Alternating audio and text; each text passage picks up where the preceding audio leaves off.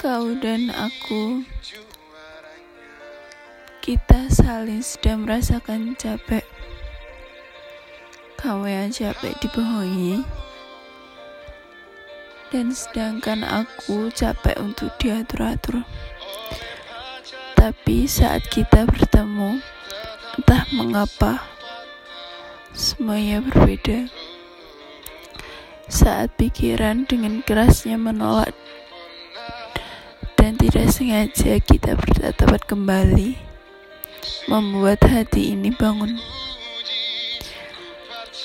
Dan dengan egonya, saat semua pikiran kita benar-benar capek, hati selalu menang dan meluluhkan kita. Dan pada akhirnya, kita tidak memikirkan tentang lelah ataupun apa yang sedang ada di benak kita.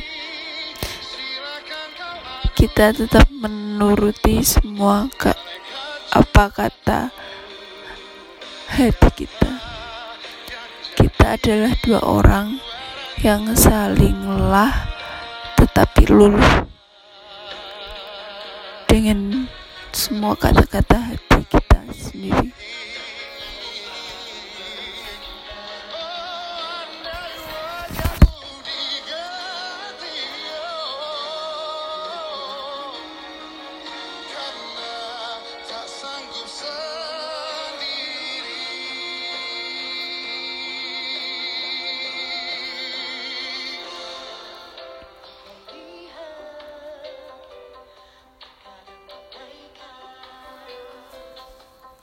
saya.